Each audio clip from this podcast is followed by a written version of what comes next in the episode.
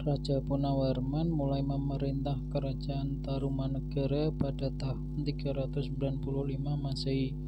Pada masa pemerintahannya, ia selalu berjuang untuk rakyatnya. Ia membangun saluran air dan memberantas perombak. Raja Punawarman sangat memperhatikan kesejahteraan rakyatnya.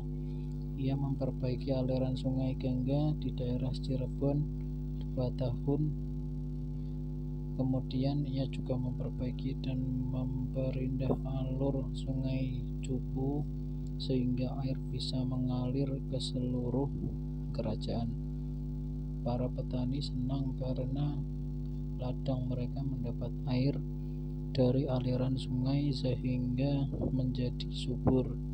Ladang para petani tidak kekeringan pada musim kemarau saat itu.